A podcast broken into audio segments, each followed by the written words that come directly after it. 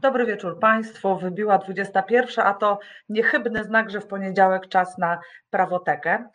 Dzisiaj przede mną trudne zadanie, myślę, ale liczę też, że z pomocą Państwa i mojego gościa sobie jakoś poradzę, bo jak Państwo widzicie, jestem sama. No takie są e, e, ja wiem, przywileje, przywileje e, letnich e, wakacji, e, że wszyscy gdzieś się rozjeżdżamy. Ale proszę Państwa, mamy dzisiaj, myślę, bardzo ciekawy temat i jestem przekonana, że będziecie Państwo zadowoleni, mam nadzieję. Moim gościem jest Paulina Masłowska. Zapraszam Paulinę. Dzień dobry. Cześć Paulina. Proszę Państwa, Paulina Masłowska jest radczynią prawną, e, ale mm, interesuje się i zajmuje się przede wszystkim sprawami z zakresu ochrony praw dziecka i tym, w tym właśnie zakresie współpracuje z organizacjami e, pozarządowymi, a oprócz tego w dzisiejszym programie reprezentuje Fundację Dajemy Dzieciom Siłę. Mam nadzieję, że Państwo tą fundację znają. Jeśli nie, e, to na pewno najwyższa pora na to, żeby nadrobić zaległości. Prawda, Paulino? Tak, zachęcam Państwa do zapoznania się z naszą stroną internetową i też z materiałami edukacyjnymi umieszczonymi na naszej platformie. Ja sobie weszłam na tą stronę internetową tuż przed naszym programem i muszę Państwu powiedzieć, że nawet dla mnie, e, osoby, no, która profesjonalnie na co dzień właściwie styka się z problemami, które są przedmiotem zainteresowania e, Fundacji Dajemy Dzieciom Siłę, doszłam do wniosku, że one są e, dla mnie bardzo ciekawe i zresztą są to tak nawet posegregowane, że są materiały dla profesjonalistów i materiały dla, no nie wiem, amatorów. Mam na myśli tutaj rodziców czy osoby zainteresowane jakimiś problemami, albo dostrzegające jakieś problemy. Więc zachęcamy Państwa bardzo e, serdecznie. Paulina, napisz najlepiej na e, prywatnym czacie adres e, fundacji, a ja, a ja ten adres Państwu, realizator go Państwu pokażę, żebyście mogli Państwo obejrzeć. Pan Piotr Stycharski pisze, dobry wieczór pani sędzi, jakby nie było w trzech bytach. No tak panie Piotrze, nie da się ukryć, dzisiaj reprezentuję całą e, trójcę prawoteki, ale mam nadzieję, że dziewczyny nie będą musiały się za mnie e, wstydzić. No dobra, Paulina, to może tak e, zacznijmy od początku. Gdybyś nam w kilku słowach mogła powiedzieć, co to jest w ogóle Fundacja Dajemy Dzieciom Siłę i skąd ona się wzięła, E, to wtedy będziemy mieli e, jakiś początek. Mhm. Fundacja Dajemy Dzieciom Siłę od 30 lat działa na rzecz ochrony praw dziecka e, i taki główny filar naszej działalności to jest działanie na rzecz dzieci pokrzywdzonych przestępstwami e, i prowadzimy placówki, które nazywamy centrami pomocy dzieciom. Na terenie Polski funkcjonuje już pięć takich placówek. Kolejne są w fazie powstawania i te pięć, które już powstało, to są trzy placówki prowadzone przez Fundację w Warszawie, w Staro Starogardzie Gdańskim i w Gdańsku oraz dwie prowadzone przez zaprzyjaźnione organizacje pozarządowe e, w Białymstoku i w Głogowie. E, I Centra pomocy dzieciom to są takie placówki, gdzie dziecko pokrzywdzone przestępstwem może uzyskać interdyscyplinarne wsparcie różnych profesjonalistów.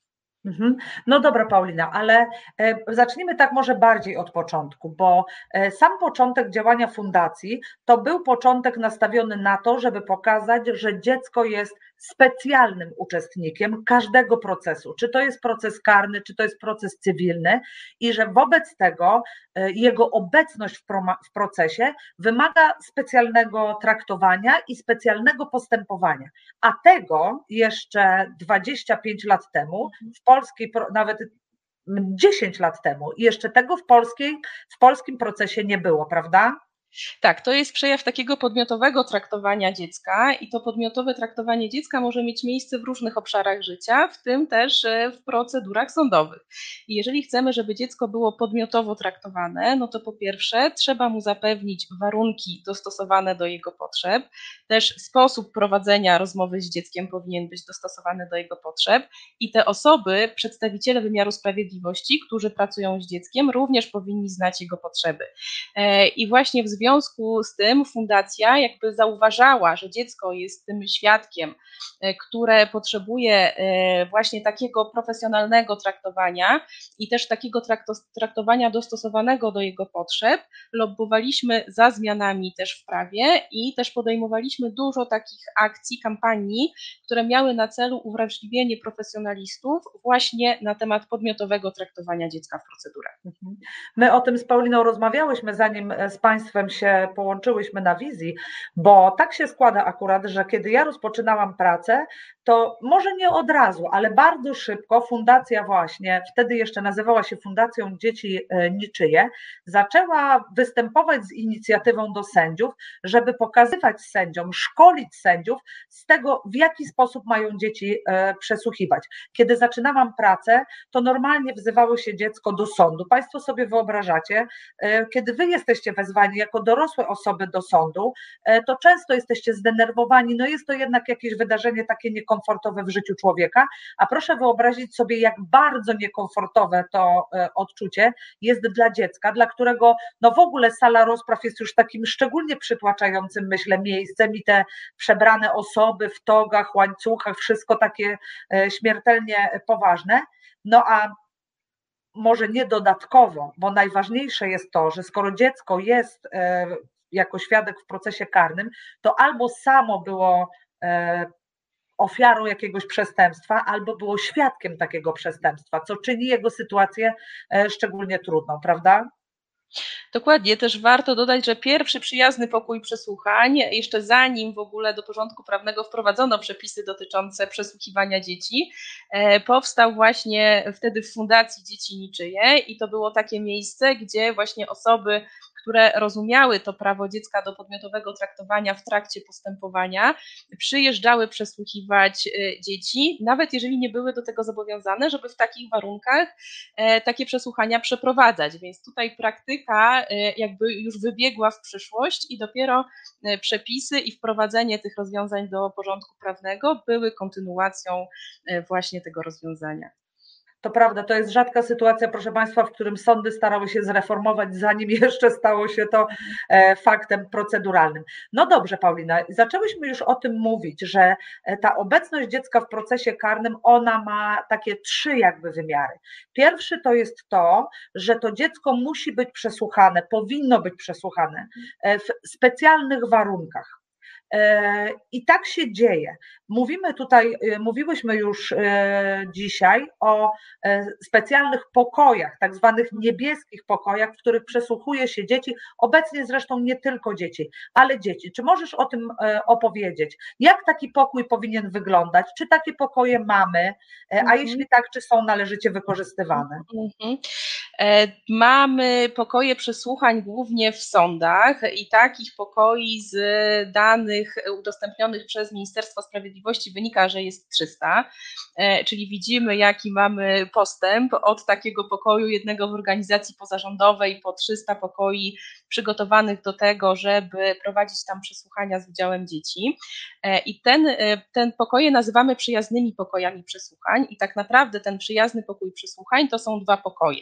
Jedno pomieszczenie, w którym przebywa dziecko, sędzia, biegły psycholog i tłumacz, jeżeli jest taka potrzeba. Mhm. I drugi pokój, tak zwany pokój techniczny, gdzie przebywają wszystkie osoby, które mogą wziąć udział w tej czynności, ale nie są niezbędne do prowadzenia rozmowy z dzieckiem. I to jest prokurator, protokolant, obrońca oskarżonego, kurator reprezentujący dziecko. Ważne jest to, że sam oskarżony lub podejrzany nie może pojawić się na takim przesłuchaniu i to jest też taki wyraz zadbania o dziecko, no bo możemy sobie wyobrazić, że dziecku byłoby trudniej opowiadać o tym, czego doświadczyło w obecności tej osoby. Nawet jeżeli dziecko by wiedziało, że ta osoba przebywa za ścianą, no to jednak to byłby dużo wyższy poziom stresu i też obaw dla, dla dziecka. I tak jak powiedziałam, e, tutaj jest dość dużo tych osób e, i w tym pierwszym pokoju właśnie przebywają te osoby, które są niezbędne do prowadzenia rozmowy z dzieckiem, no bo jeżeli te wszystkie osoby znalazłyby się w jednym pomieszczeniu, no to też dziecko mogłoby się po prostu czuć tak przytłoczone, też nie miałoby takiej swobody wypowiedzi, mogłoby czuć się rozproszone, więc w tym pierwszym pokoju właśnie mamy sędziego, biegłego psychologa, psychologa i tłumacza, jeżeli byłby on potrzebny. Te pokoje przesłuchań powinny być urządzone i zwykle tak jest, w taki sposób, który umożliwia prowadzenie rozmowy w neutralnych warunkach, e, czyli powinny być meble dostosowane do potrzeb dzieci w różnym wieku, no bo na takim przesłuchaniu może być i siedemnastolatek, i pięciolatek. E, też tak jak Jolanto powiedziałaś, w tych pokojach czasami są przesłuchiwane osoby dorosłe, to są osoby, które doświadczyły przestępstw przeciwko wolności seksualnej, więc też dlatego one muszą być e, neutralne. Urządzone zwykle są w takich pastelowych barwach, też żeby nie rozpraszać dziecka. Mhm. Ale to chyba warto podkreślić, że to są po prostu e, takie pokoje stylizowane na zwykłe, takie przyjemne miejsca, jest zwykle sofa, e, jakieś biurko, miejsce, gdzie można usiąść. To ma być takie e, przytulne miejsce. Ono nie ma nic zupełnie wspólnego z rozprawą, z salą rozpraw. Dokładnie. W naszym przyjaznym pokoju w Centrum Pomocy Dzieciom mamy właśnie sofę, E, duży stolik, mały stoliczek właśnie dla mniejszych dzieci i fotel. I też ważne, że dziecko powinno wybrać sobie samo miejsce, tak żeby było e, mu jak naj, najwygodniej. Też bardzo ważne jest to, że w takim pokoju znajdują się kamery i mikrofony, bo takie przesłuchanie jest nagrywane. E, I też dziecko jest zawsze informowane o tym, że ta rozmowa będzie nagrywana i czemu to nagranie służy. Tak?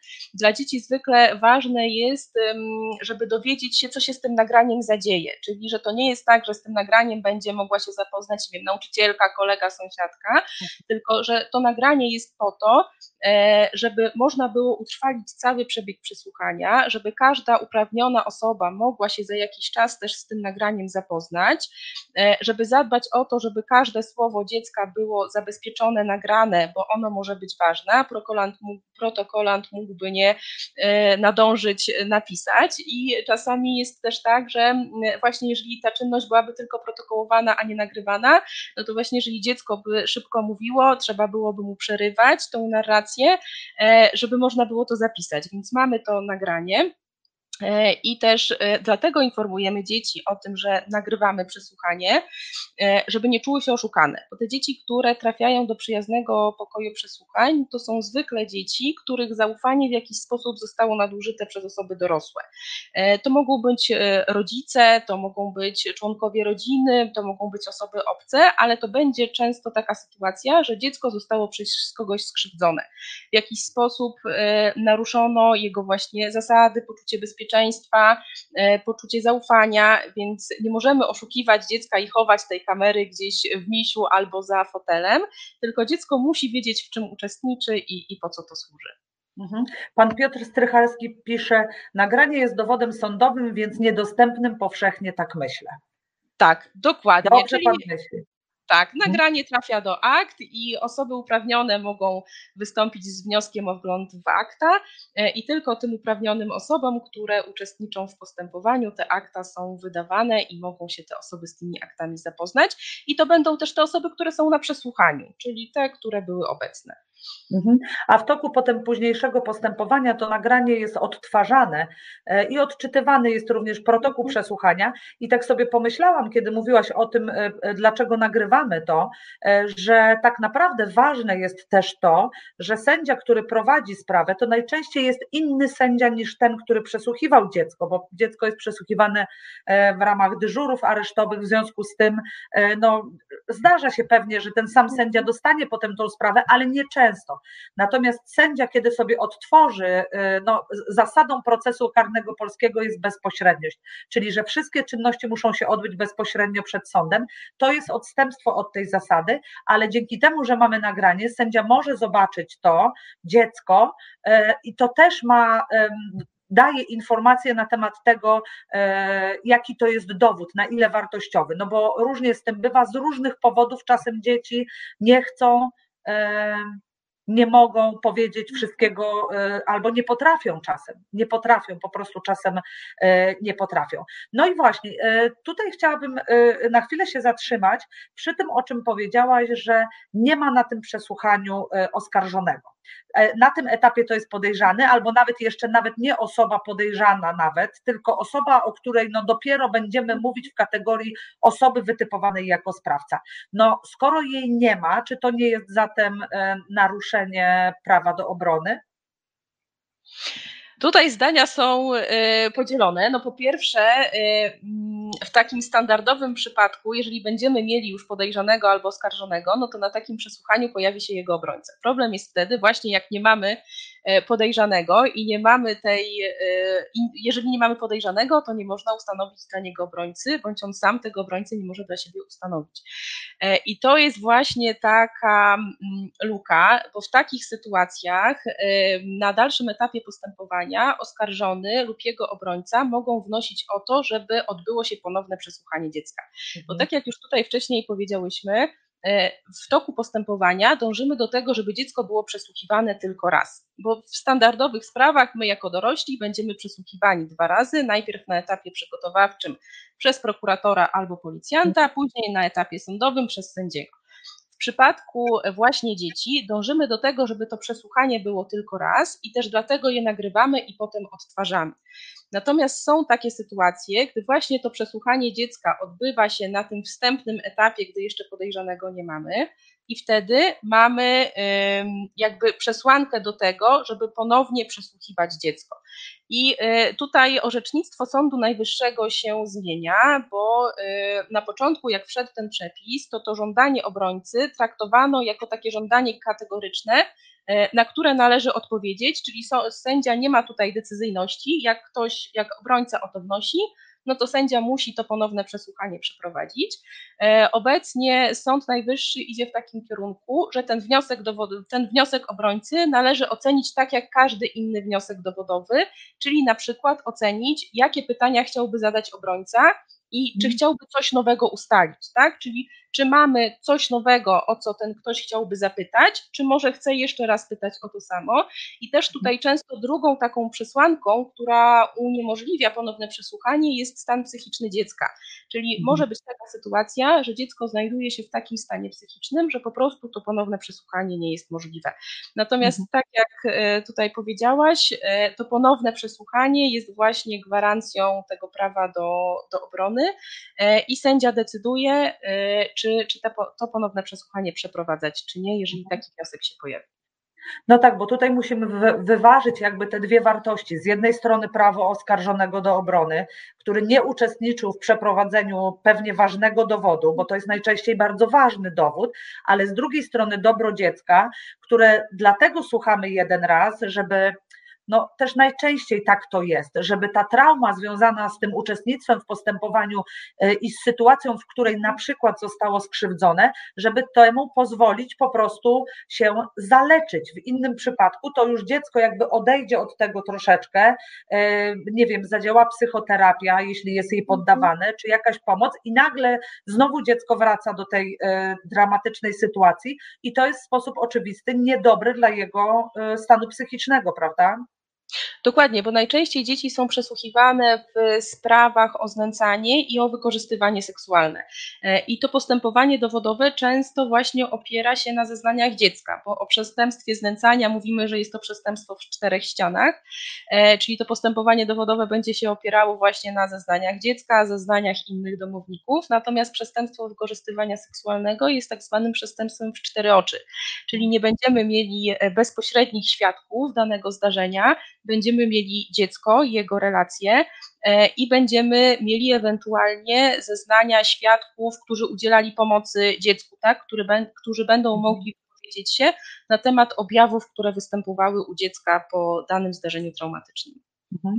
No i tu dochodzimy do kolejnej wa ważnej kwestii, bo przecież ofiarą e, jakichś nadużyć seksualnych padają nie tylko dzieci, które e, są już na tyle, na tyle duże, żeby móc o tym opowiedzieć, ale również dzieci małe, które no, cała ta terminologia choćby, tak, którą sąd musi użyć, czyli ustalić, w jaki sposób to się wydarzyło, w jaki sposób dziecko było dotykane, co sprawca robił, to jest często ogromny problem. Problem nie tylko dla dziecka, ale również dla osoby dorosłej, która najczęściej no, jest to sędzia i, i najczęściej wydaje mi się, to są osoby odpowiedzialne, które nie chcą jakichś szkód spowodować, w związku z tym starają się być delikatne. I tutaj również Fundacja Dajemy Dzieciom Siłę dawała nam rady, w jaki sposób to robić i dawała nam narzędzia, w jaki sposób możemy od dziecka się dowiedzieć, a jednocześnie nie e, siać spustoszenia w jego e, psychice i samopoczuciu, prawda? Możesz nam o tym opowiedzieć, co, co tak. nam robiliście? Tak, fundacja przygotowała metodykę przesłuchiwania małoletnich świadków i to przesłuchanie jest podzielone na kilka etapów. Najpierw mamy taki etap nawiązania kontaktu z z dzieckiem, czyli taka neutralna rozmowa na jakieś tematy ważne, ale też miłe dla dziecka i to ma służyć temu, żeby nawiązać po prostu z dzieckiem relację, nawiązać kontakt z dzieckiem. E, też mamy taką fazę pouczania dziecka o określonych prawach i obowiązkach, które mu w toku tego przesłuchania obowiązują, e, bo na przykład dziecko, tak jak osoba dorosła, musi zostać pouczona o prawie do odmowy składania zeznań, jeżeli sprawa dotyczy na przykład bliskiej osoby, osoby dla dziecka, a tak jak mhm. powiedziałam, jeżeli mówimy o znęcaniu lub o wykorzystywaniu seksualnym, no to najczęściej to będzie e, ktoś z najbliższego kręgu rodzinnego dziecka, więc trzeba też pouczyć dziecko w sposób dostosowany do jego potrzeb i możliwości o tym prawie. Też e, o obowiązku mówienia prawdy. E, więc to jest kolejna rzecz i kolejny etap. Później mamy etap swobodnej narracji, tak? czyli e, takie pytania otwarte, ogólne, pozwalające wypowiedzieć się dziecku w taki swobodny sposób, tak? bez jakiegoś natłoku pytań, e, takich sugerujących, zamkniętych, tak czy nie, tylko swobodna narracja, żeby dziecko opowiedziało o, o danej sytuacji.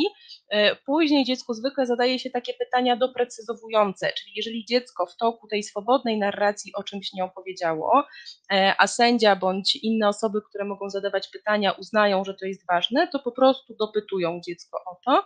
E, I kolejna rzecz, e, którą powinno skończyć się takie przesłuchanie, no to znów taki etap swobodnej rozmowy, swobodnej wypowiedzi, też podziękowania dziecku za rozmowę. Mhm. Ale pamiętam, że kiedyś dostałam całą taką teczkę materiałów i w tej teczce były również narysowane postaci mężczyzny, mhm. E, kobiety, takie, w których dziecko mogło e, e, rączką czy kredką zaznaczyć, gdzie na przykład było dotykane, po to, żeby też uniknąć całego tego, jak powiedziałam, problemu związanego z nazewnictwem, z terminologią.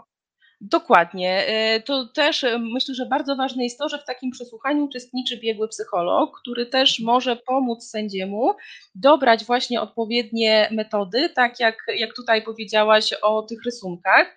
E, mhm. I też jeżeli dziecko ma problem z nazywaniem na przykład intymnych części ciała, no to też biegły może w, w tym pomóc.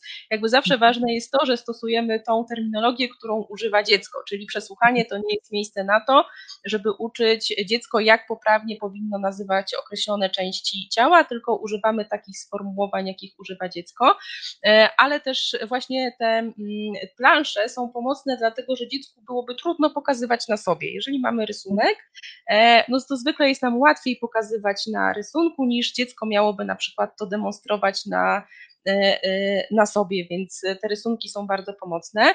E, też były takie opracowane rysunki dotyczące pouczania dziecka właśnie o określonych prawach i obowiązkach, czyli o prawie do odmowy składania zeznań, o obowiązku mówienia prawdy, też jak potem odwoływać się do tej zasady mówienia prawdy, tak, jeżeli sędzia stwierdziłby, że E, że dziecko e, tutaj jakoś zbacza z tego, e, z tego toku narracji. I też mieliśmy dostępne filmy, w ogóle takie pokazowe, jak prowadzić przesłuchanie instruktażowe. Też opracowaliśmy poradnik, jak prowadzić przesłuchanie dziecka dla sędziów i, i biegłych psychologów.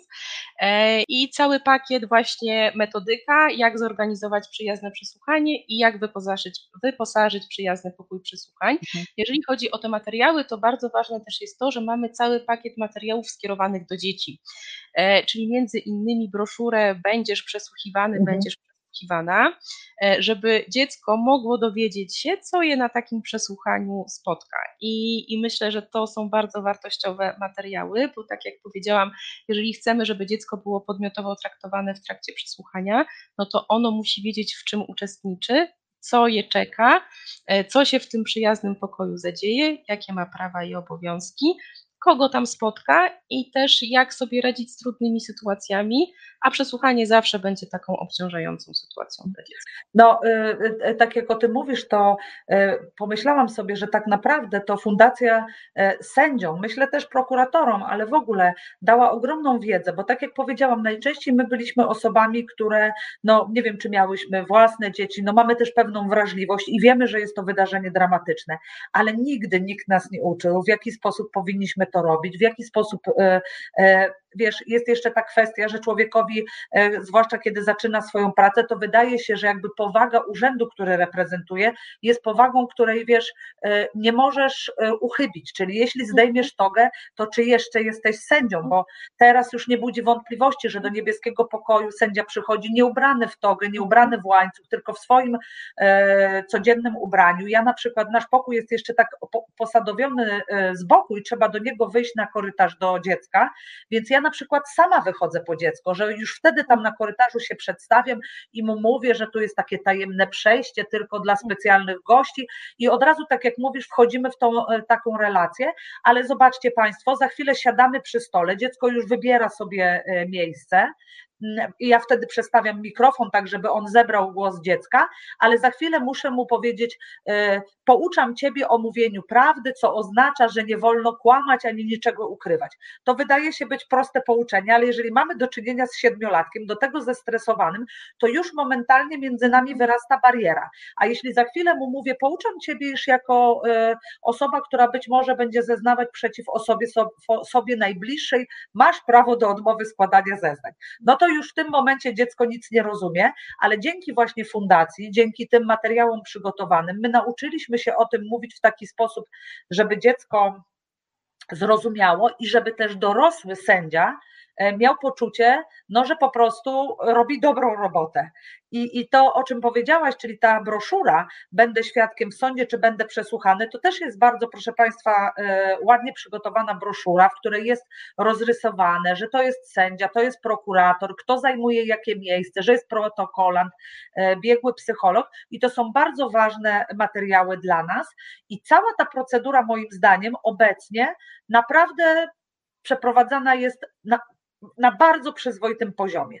Widzę dwa problemy. Jeden to taki, że jako sędzia uważam, że wnioski e, o przesłuchanie dziecka kierowane są do sądów zbyt szybko. Bardzo często jest to pierwsza czynność w sprawie, a ja uważam, że jeśli dziecko komuś zdradziło, że coś się stało, to już należałoby przesłuchać tę osobę i wszystkie inne, które mogą mieć jakąś wiedzę, a dopiero potem słuchać dziecko, prawda? Bo dzięki temu moglibyśmy szybciej sprawcę wytypować. Dokładnie i to jest też ten wyraz zadbania o dziecko i o tą zasadę jednokrotnego przesłuchania. E, czyli jeżeli udałoby się wcześniej zebrać materiał od innych osób, który postawi na postawienie mhm. zarzutów, e, no to niwelujemy potem to ryzyko ponownego przesłuchiwania dziecka. E, I rzeczywiście my w fundacji bardzo zwracamy na to uwagę i jeżeli widzimy, że wśród dzieci, które są pod naszą opieką, są kierowane takie wnioski na początku postępowania przygotowawczego o przesłuchanie, to e, staramy się pisać takie pisma w sprawie opinie przyjaciela sądu, e, żeby właśnie to przesłuchanie przeprowadzić dopiero na kolejnym etapie postępowania i żeby wcześniej zebrać e, materiał dowodowy, który jest dostępny od innych świadków. I dopiero jeżeli to by się nie udało, no to wtedy można przesłuchiwać dziecko przed etapem postawienia zarzutów. Natomiast nie możemy już na samym początku zakładać, że to będzie niemożliwe, jeżeli organy tego nie spróbowały. E, i mamy dość pozytywne e, zwroty i reakcje, czyli jeżeli piszemy takie pisma e, do prokuratur bądź do sądów, to zwykle organy przychylają się do naszych wniosków i rzeczywiście najpierw są przesłuchiwane Mhm. Inne osoby też coraz częściej spotykam się z takimi informacjami od klientów, którym udzielam konsultacji, że właśnie nawet bez takiego pisma sędziowie sami reagowali. Czyli jeżeli wpływał wniosek z prokuratury o przesłuchanie dziecka, sędzia zapoznawał się z aktami i widział, E, że na przykład to jest pierwsza czynność w sprawie, no to informował mhm. prokuraturę, że nie przeprowadzi takiego przesłuchania, zanim e, inne czynności nie zostaną przeprowadzone. Mhm.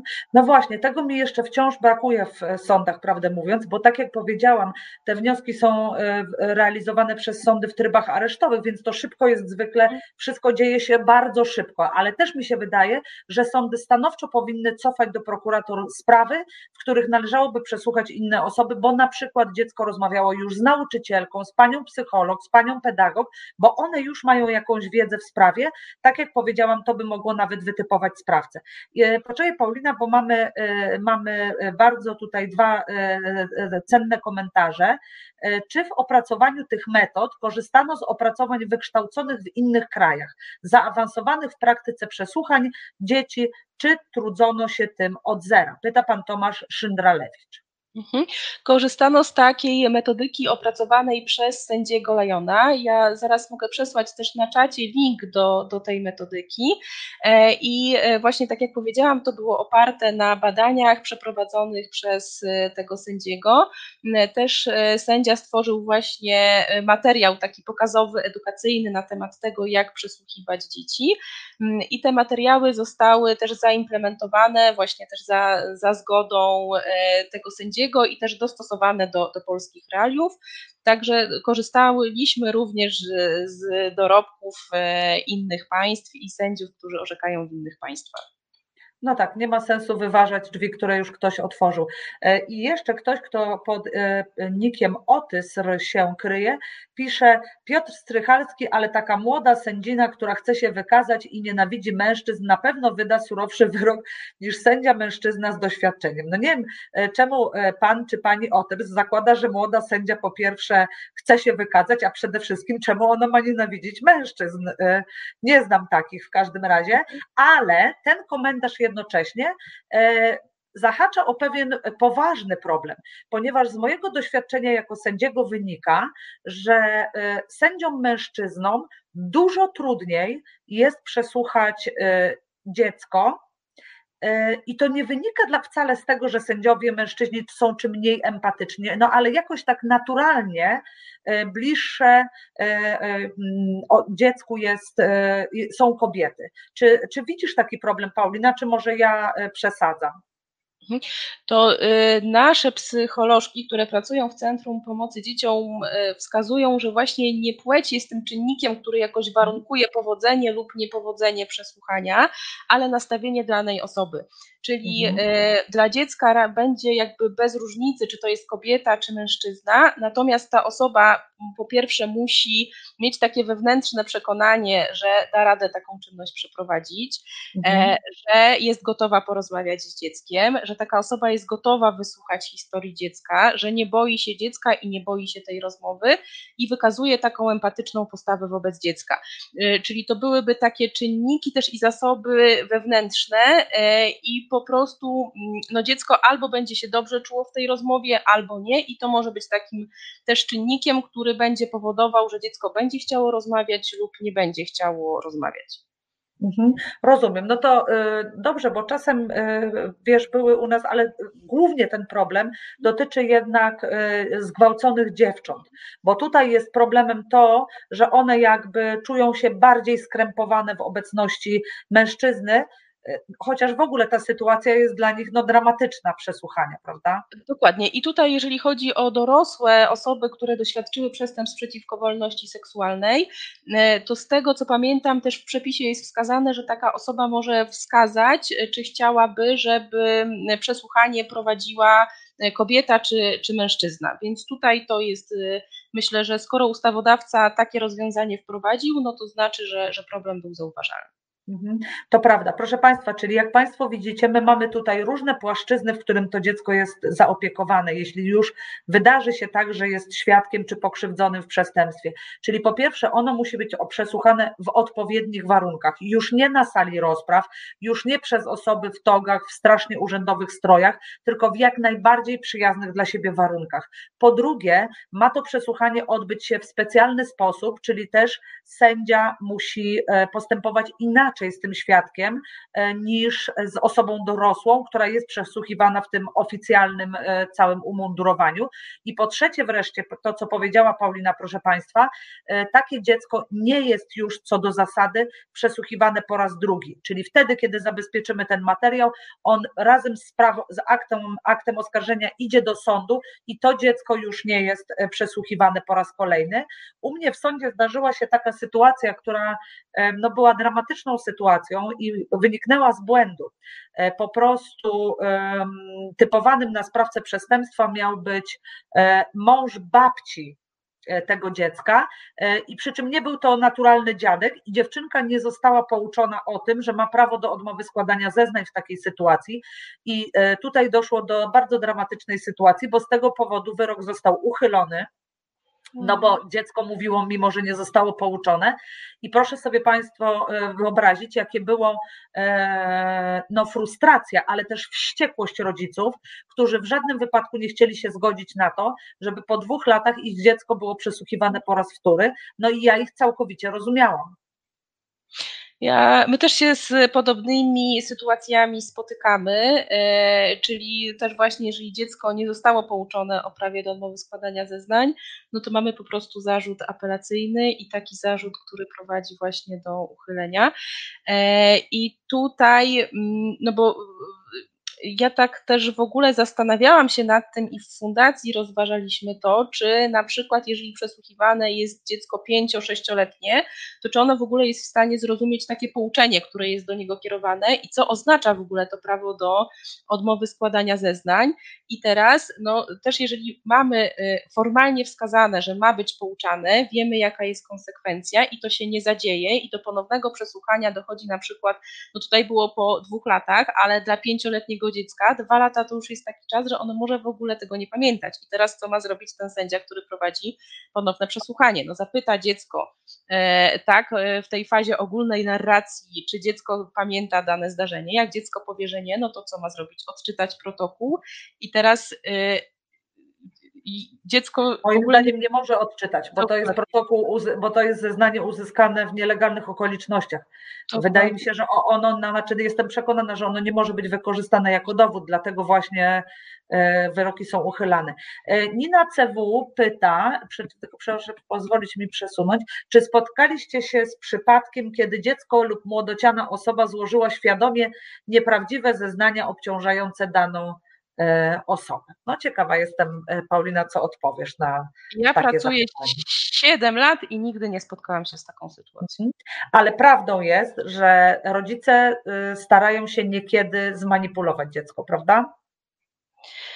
E, zmanipu- nie wiem, czy zmanipulować to jest dobre słowo, ale jakby użyć dziecka w, w jakimś założonym przez siebie celu i tutaj to już jest rola sędziego i biegłego psychologa, żeby jakby ustalić, y, jaka jest motywacja dziecka do złożenia określonych zeznań.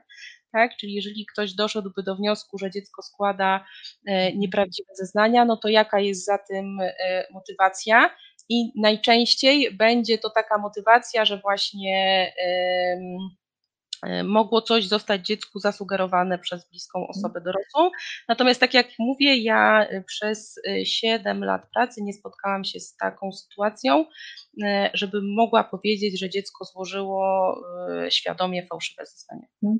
Bo to raczej bardziej polega na tym po prostu, że dorosła osoba powtarza jakieś mhm. prawdy i czasem może nawet nie chce, żeby powiedziało to dziecko, powtórzyło w sądzie, tylko po prostu powtarza, bo przeżywa swoją sytuację, więc mówi to i potem dziecko to powtarza, ale czasem rzeczywiście na tle, na tle konfliktu jakiegoś między rodzicami e, zdarza się taka sytuacja, kiedy jedno z rodziców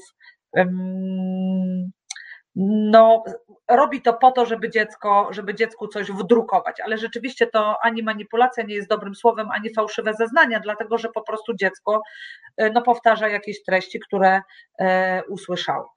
No dobrze.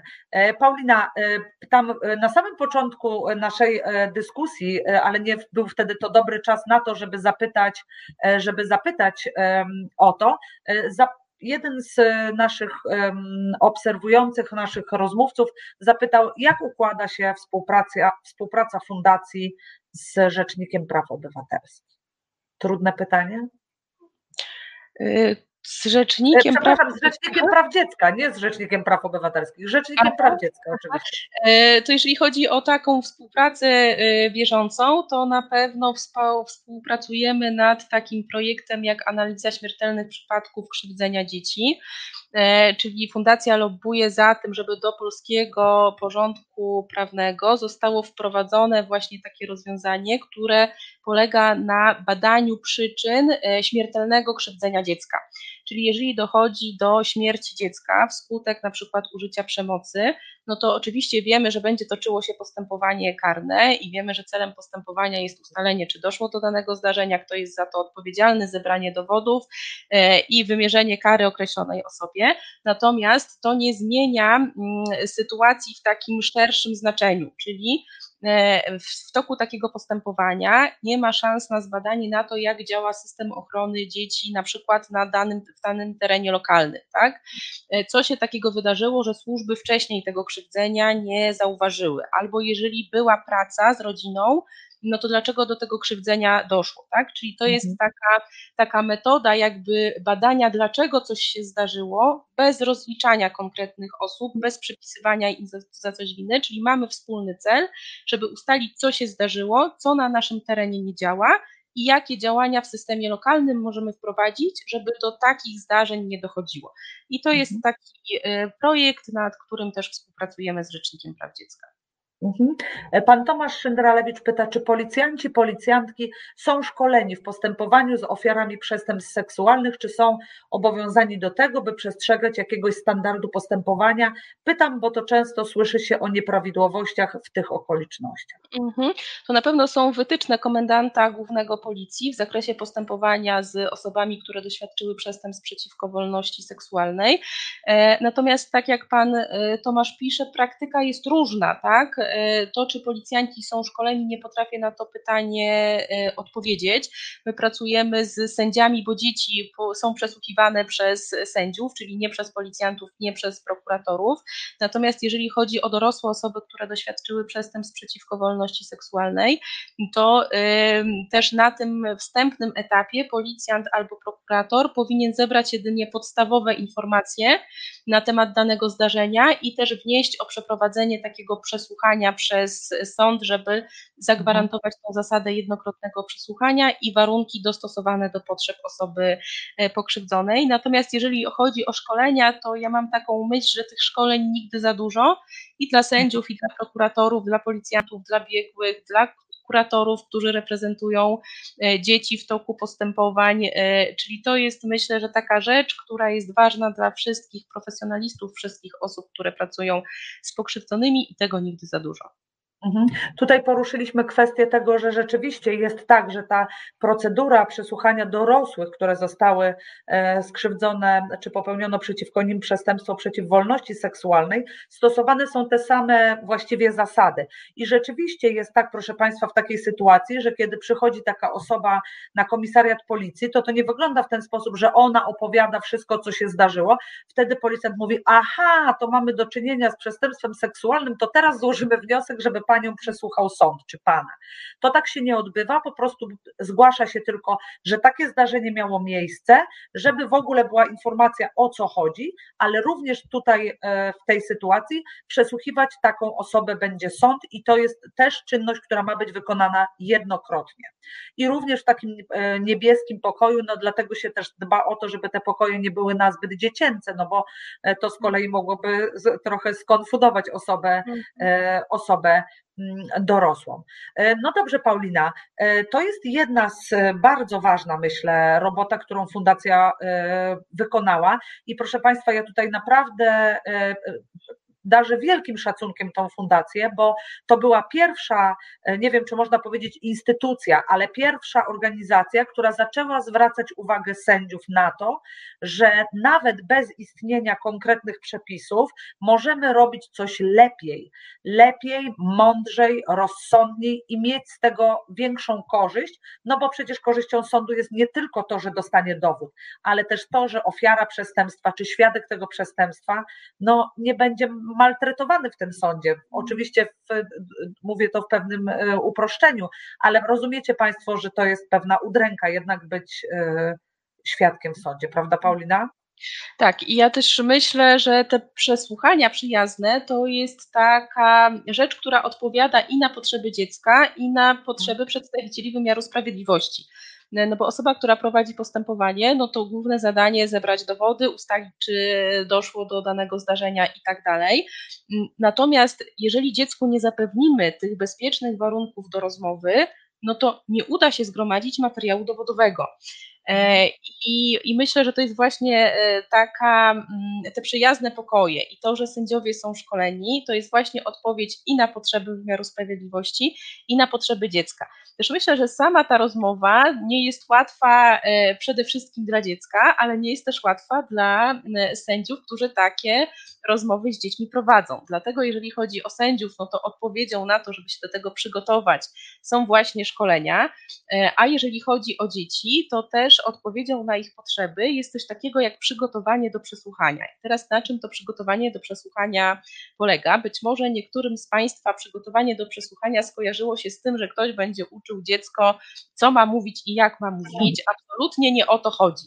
E, takie przygotowanie do przesłuchania to jest e, konsultacja z psychologiem, pedagogiem, terapeutą, który właśnie przygotuje dziecko do udziału w tej rozmowie, czyli opowie, kogo dziecko w trakcie tej rozmowy spotka, e, kto się czym zajmuje w trakcie tej rozmowy, w jakich pomieszczeniach to przesłuchanie będzie wyglądało. I e, właśnie dzieciom pokazuje się wcześniej te przyjazne pokoje, żeby były oswojone też z tą przestrzenią, z tymi pomieszczeniami, w których będą rozmawiały z sędzią.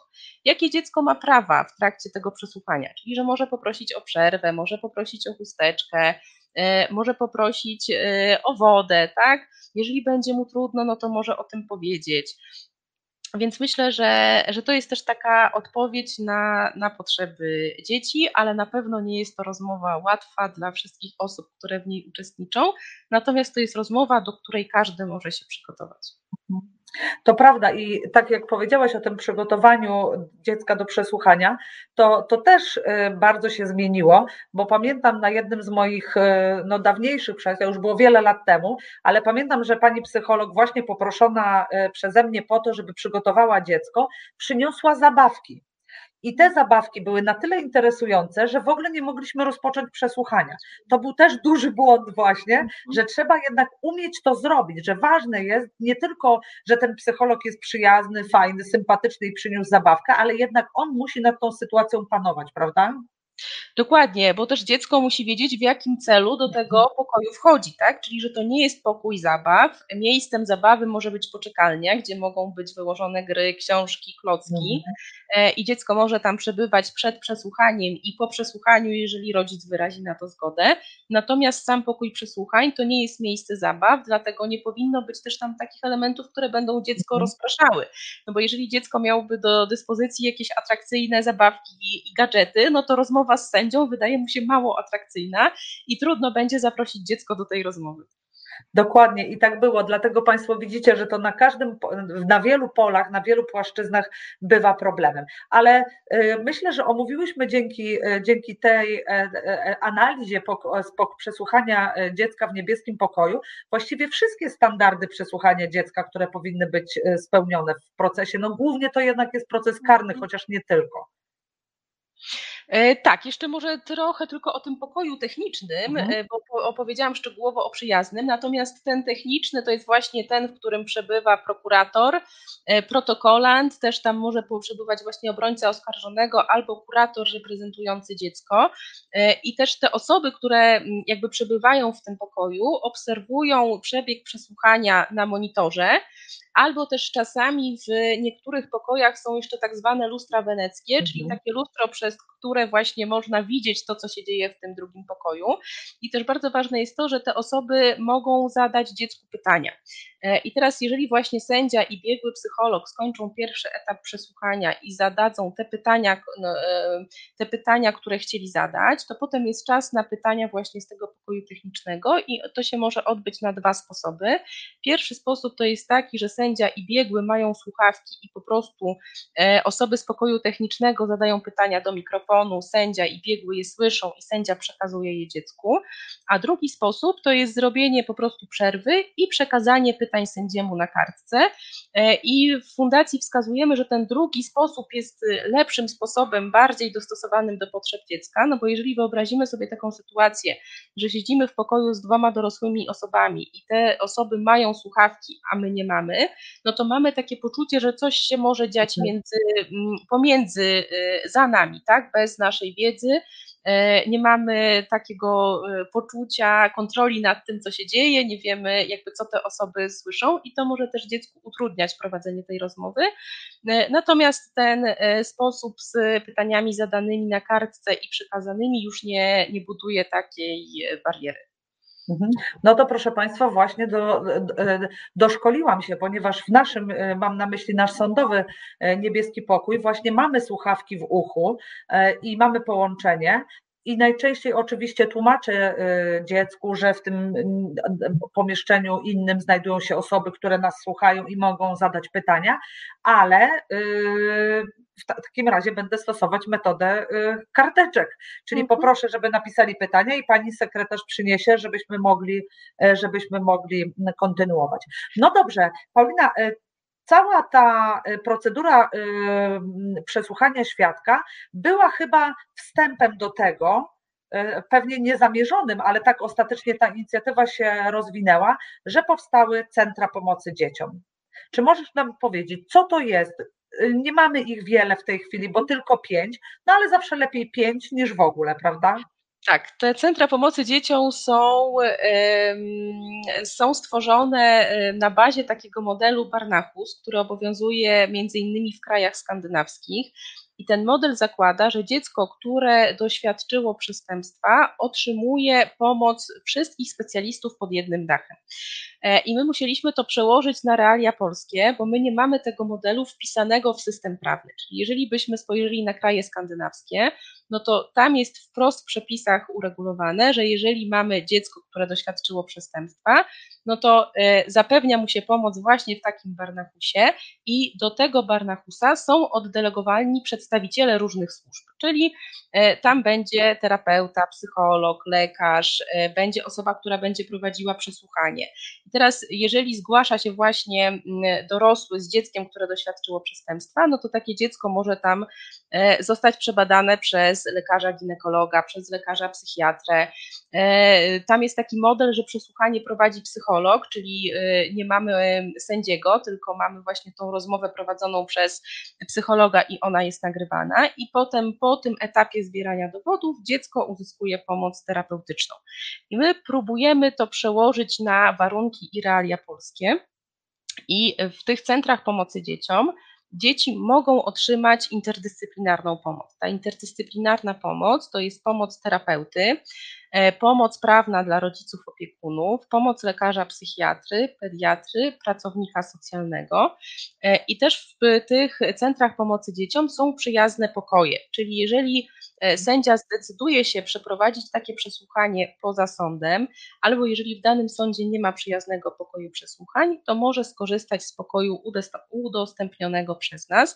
Ważne też jest to, że mm, dziecko i jego rodzic nie muszą chodzić po różnych miejscach i opowiadać, co im się wydarzyło tak? E, bo jeżeli mm, nie mamy takiego miejsca, no to jeżeli rodzina chce uzyskać pomoc socjalną, musi zgłosić się do ośrodka pomocy społecznej. Jeżeli chcieliby skorzystać z terapii, no to na przykład szukają poradni psychologiczno-pedagogicznej. Jeżeli pomoc lekarza psychiatry, no to na przykład y, oddziału psychiatrycznego czy poradni zdrowia psychicznego.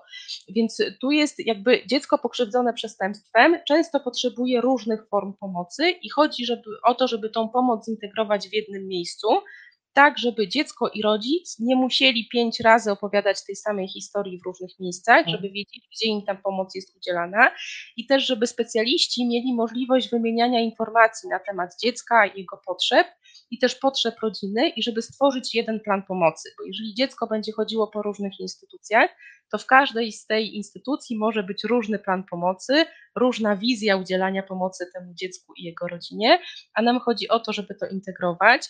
I oczywiście część specjalistów jakby pracuje w centrach pomocy dzieciom i jest po prostu zatrudniana przez fundację, ale oprócz tego współpracujemy z innymi podmiotami, czyli podpisujemy na przykład porozumienia z sądami, z ośrodkami pomocy społecznej. E, I też jeżeli jest taka potrzeba, żeby pozostawać w kontakcie z pracownikami, pracownikami tych instytucji i żeby też korzystać z ich zasobów, no to staramy się wymieniać informacje i pozostawać w kontakcie, żeby właśnie ten plan pomocy był zintegrowany przez różne instytucje. No dobra, Paulina, ale w takiej sytuacji mam dwa pytania, które się nasuwają natychmiast. Mianowicie, jak sobie radzicie z tym, że na polskim rynku no mamy deficyt osób, które mogłyby z dziećmi pracować na wysokim poziomie psychologów, psychiatrów, e, tak, terapeutów, bo zewsząd się słyszy, że dzieci jest mnóstwo, które potrzebują pomocy i wiele z nich nie może jej otrzymać, ponieważ jest zbyt mało specjalistów. Mhm to na pewno specjalistów jest zbyt mało, to jest e, pewne. Jeżeli chodzi o nasze centra pomocy dzieciom, to mamy mm, doświadczoną kadrę, bo są mhm. terapeuci które mają na przykład 20 e, i więcej lat pracy z dziećmi, które doświadczyły przemocy i wykorzystywania seksualnego. Też jeżeli są zatrudniane nowe osoby, to są wprowadzane do, e, do zespołu i też mają taki czas na przygotowanie się do, e, mhm. do właśnie do realizowania zadań. Też mamy to szczęście na przykład w Warszawie, że mamy pracownika socjalnego oddelegowanego z Ośrodka Pomocy Społecznej, który, te, który też bierze Ale czyli udział... rozumiem z miejskich zasobów, tak? tak czyli miasto. E, tak, tak, mhm. tak. Tak, e, też mamy zatrudnione e, dwie panie, które są lekarzami psychiatryczkami. Mamy lekarza pediatrę i mamy też w zespole prawniczki. Więc myślę, że te centra pomocy dzieciom to są takie miejsca, w których pracują osoby. O, oazy na pustyni jest ważna, jest ważnym elementem e, takiego życia zawodowego i też e, myślę, że mamy duże poczucie misji i takiej odpowiedzialności za ten obszar, w którym działamy. I też myślę, że to jest też taki obszar, w którym jeżeli ktoś nie ma wewnętrznej motywacji do tego, żeby pracować z dziećmi, pracować z dziećmi, które doświadczają przemocy i wykorzystywania, no to po prostu y, nie będzie składał aplikacji i nie będzie w takim miejscu pracował, bo bez tej mhm. motywacji wewnętrznej to jest po prostu niemożliwe. Mhm. Proszę Państwa, to prawda, jakkolwiek tych miejsc jest tylko pięć, ale tak jak powiedziałam, to są takie, myślę, oazy na pustyni u nas niestety jeszcze, to może wymieńmy. O, takie centrum znajduje się w Warszawie, w Gdańsku, w Starogardzie, gdzie jeszcze? W Białymstoku i w Głogowie w Białymstoku i Głogowie. Mam nadzieję, że Państwo nie będziecie mieli potrzeby, żeby opiekować się czy pomagać dziecku, które znajduje się w takiej sytuacji trudnej, ale gdyby tak było, to zawsze możecie Państwo to odnaleźć i do takiego ośrodka się, e, do takiego centrum się udać. No a drugie pytanie, Paulina, zwykle kończymy audycję optymistycznie. Nie wiem, czy to pytanie da się potem wyprowadzić na optymistycznie, no bo skąd macie na to fundusze? Mhm.